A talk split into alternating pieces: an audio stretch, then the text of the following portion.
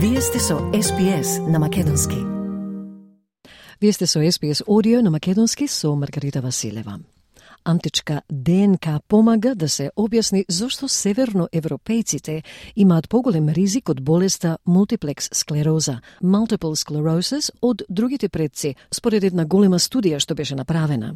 Истражувачите велат дека тоа е генетско наследство на сточари кои јаваа на коњи во одгледувањето на говеда и кои дошле во регионот пред околу 5000 години. Повеќе на оваа тема од прилогот на Есам Алгалип за SBS News. SBS. SBS. SBS. SBS. SBS. SBS Radio. Студија која ја истражува еволутивната историја на генетските болести откри дека мултиплекс склероза, на англиски позната како multiple sclerosis, еволуирала од гени кои ги штителе номадските сточари од бронзеното време јамнаја од инфекции кои ги носеа нивните говеда и овци – Студијата објавена во списанието Nature ја споредува модерната ДНК со ДНК сликата на древниот човек земена од завите и коските, откривајќи увид во праисториската миграција и гени поврзани со болести. Научниците соработуваа со археолози и музеи на глобално ниво, користејќи најсовремени техники на молекуларна биологија, за да ја излечат и секвенционираат античката ДНК. Коавторот Еван Ирвинг Пейс е професор по популациона генетика на Универзитетот во Копенхаген. Тој ја објаснува различната генетика која дошла од трите големи бранови на миграција. Професорот Ирвинг Пейс вели првичната миграција е на луѓето надвор од Африка и кои крајно дошле во Европа, каде што современите луѓе ги заменија неандерталците. Втората голема миграција на почетокот на периодот е наречена неолит или ново камено доба, што беше со започнувањето на земјоделството. Така, најраното припитомување на земјоделски култури и домашни животи се расширило надвор од Анадолија, во денешна Турција, па преку Егејското море и на крајот во северозападна Европа, вели професорот. It was the initial migration of humans out of Africa and ultimately into Europe, where modern humans replaced Neanderthals. Then there was a second major migration at the beginning of a period we call the Neolithic or the New Stone Age, which was with the invention of farming, so the earliest domestication of crops and, uh, and domestic animals, and that spread out of Anatolia in present day Turkey and up through the Aegean and ultimately into northwestern Europe. Номадските сточари јамнаја дојдоа со третата миграција во Европа, голема миграција на почетокот на бронзеното доба од народи кои потекнуваат од Понтиската степа, регион кој ја опфаќа денешна Украина и делови од Јужна Русија. Професорот Пейс вели и овие луѓе имаа номадски сточарски начин на живот и во голема мера ги заменија неолитските луѓе кои се занимаваа со земјоделство во тоа време. And then there was a third later major migration at the beginning of the Bronze Age uh, from peoples who um, came from the Pontic Steppe, a region that encompasses present day Ukraine and, and parts of southern Russia. And these people had a nomadic pastoralist lifestyle, and they came in at the beginning of the Bronze Age and largely replaced the Neolithic people that uh, were practicing farming at that time. Луѓето од Јамнаја кои мигрирале во Европа во бронзеното доба носеле варијанти на гени кои го зголемуваат ризикот од мултиплекс склероза, веројатно ширејќи ги поради заштитните ефекти од инфекција од нивниот добиток. Античката ДНК дава увид во различни болести според професорот Ирвинг Пейз. Тој вели, студијата ги разгледа генетските варианти кај денешните луѓе кои го кодираат ризикот за низа различни болести, вклучувајќи автоимуни болести, како мултиплекс склероза и ревматоиден артритис, но исто така и други болести кои имаат голема генетска компонента, како Алцхаймерова болест или диабетес тип 2.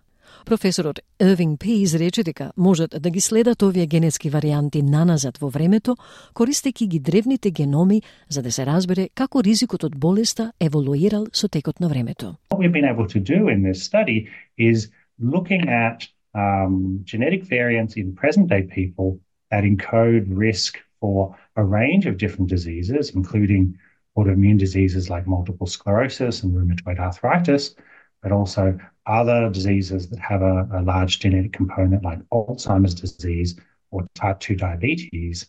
And we can trace these genetic variants backwards in time using these ancient genomes to understand how disease risk has evolved over time. Научниците исто така учат повеќе за потеклото на деменцијата. Професорот Ирвинг Пиз вели можат да покажат дека генетските варијанти кои ја зголемуваат шансата да се заболи од Алцхаймерова болест или диабетес тип 2 потекнуваат од ловците со бирачи кои први ја окупирале Европа, додека луѓето фармери кои дошле на почетокот на неолитот пред околу 10.000 години носеа генетски варијанти поврзани со нарушувања на расположението. Значи вознемиреност и чувства на вина – додека конечната миграција на луѓето од степата тие донесоа со себе генетски варијанти кои го зголемуваат нашиот ризик од автоимуна болест, вели професорот Irving Пейс. Can show that the genetic variants that increase your chances of getting Alzheimer's disease or type 2 diabetes, these came from the hunter-gatherer people that first occupied Europe. Uh, whereas the farmer people who came in at the beginning of the Neolithic around 10,000 years ago, um, they carried um, genetic variants um, associated with mood disorders, so anxiety um, and guilty feelings. Whereas the, the final migration of people from the steppe with genetic variants that increase our risk of autoimmune disease. Примероците на ДНК кои опфаќаат милениуми открија врска помеѓу мултиплекс склероза, multiple sclerosis, и античките гени кај северните европејци. Ризикот од multiple sclerosis може да биде поврзан со зоонозни патогени од близок контакт со животни од бронзеното време, што сугерира дека античкиот ген може да заштити од болести. Студијата предводена од професорот Ларс Фюге ја поддржува теоријата дека одредени инфекции предизвикуваат МС кај генетски подложни индивидуи, покажувајќи на сценарио на преживување кај најздравите. Со оглед на тоа дека живееле со животните, пиеле млеко кое не било пастеризирано, јаделе месо од овие животни, одеднаш тие би биле изложени на голем број патогени, Оние кои преживеале, вели професорот Фюга, биле оние кои имале имунолошки систем кој би можел да се справи со новиот вид на патогени. Типична приказна на позитивна селекција, преживување на најсилните, појасни професорот Фюга. Given that they were living with the animals, given that they were drinking, eating milk, meat from these animals that were not pasteurized, all of a sudden they would be exposed to a load of uh, pathogens. And in by doing so, uh, they would have people who would die or people who would survive. And those who would survive were, of course, those who had an immune system that could handle this new load of uh, pathogens. Yeah. So that is sort of, it, it's, it's typical positive selection story, survival of the fittest. Студијата исто така ја демистифицира болеста мултиплекс склероза, откривајќи дека ризикот за северноевропејците е поврзан со застарен ген кој штити од антички закани. Оваа карактеристика сега представува проблем поради неурамнотежениот имунолошки систем кој бара тековен третман преку супресија на имунолошкиот систем – Значи, кога ги збунува лекарите зошто е толку тешко да ги лекуваат нивните пациенти и зошто мораат да ги користат овие широки имуносупресивни лекови, одговорот е дека она со што се обидуваат да се борат е еволуцијата, вели професор Фюге.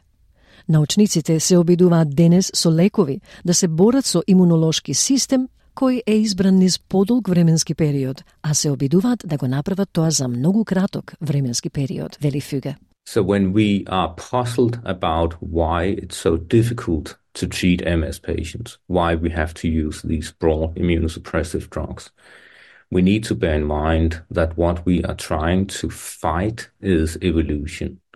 We are trying today with drugs to battle an immune system that has been selected for over a long period of time, and we are trying to do this in a very short period of time. Наодите од студијата нема да влијаат на третманот на пациентите со multiple sclerosis, вели господинот Фюга, поради што тоа ќе потрае подолго време. Тој вели дека огромниот број на вклучени гени ја отежнува борбата со болеста. МС, вели тој, е сложена болест. Има 240 гени кои носат ризик за МС и тоа треба да се гледа во контекст на тие гени кои комуницираат со различни средини или фактори. Затоа, одговорот понатаму ќе биде обидот да се измени тој здрав имунолошки систем, вели Фюге. Што значи да се најде точката каде што имунолошкиот систем е модифициран до степен до кој може да се заузди болеста без да има несакани ефекти поврзани со големите имуносупресивни лекови, изјави Фюге. MS is a complex disease, meaning that uh, we have 240 genes that confer risk to MS, and it should be seen in the context of uh, those genes interacting with different environmental factors. So, therefore, the answer going forward will be to try to modify that healthy immune system, so sort of dampen it a bit. And that's why I keep on talking about the sweet spot. Find the sweet spot where the immune system is modified to an extent where you can rein in disease without having the side effects being associated with the big immunosuppressive drugs. Истражувачите ја споредиле античката ДНК со 400.000 модерни индивидуи во генска банка во Британија, откривајќи генетски варијации поврзани со МС на север, усогласени со миграцијата на јамнаја. Наодите ја објаснуваат поделбата на европска мултиплекс склероза, но потврдата чека понатамошно истражување. SBS на Македонски. Споделете ги нашите приказни на Facebook. Сакате ли да чуете повеќе прилози како овој? Слушате подкаст преку Apple Podcasts, Google Podcasts, Spotify или од каде и да ги добивате вашите подкасти.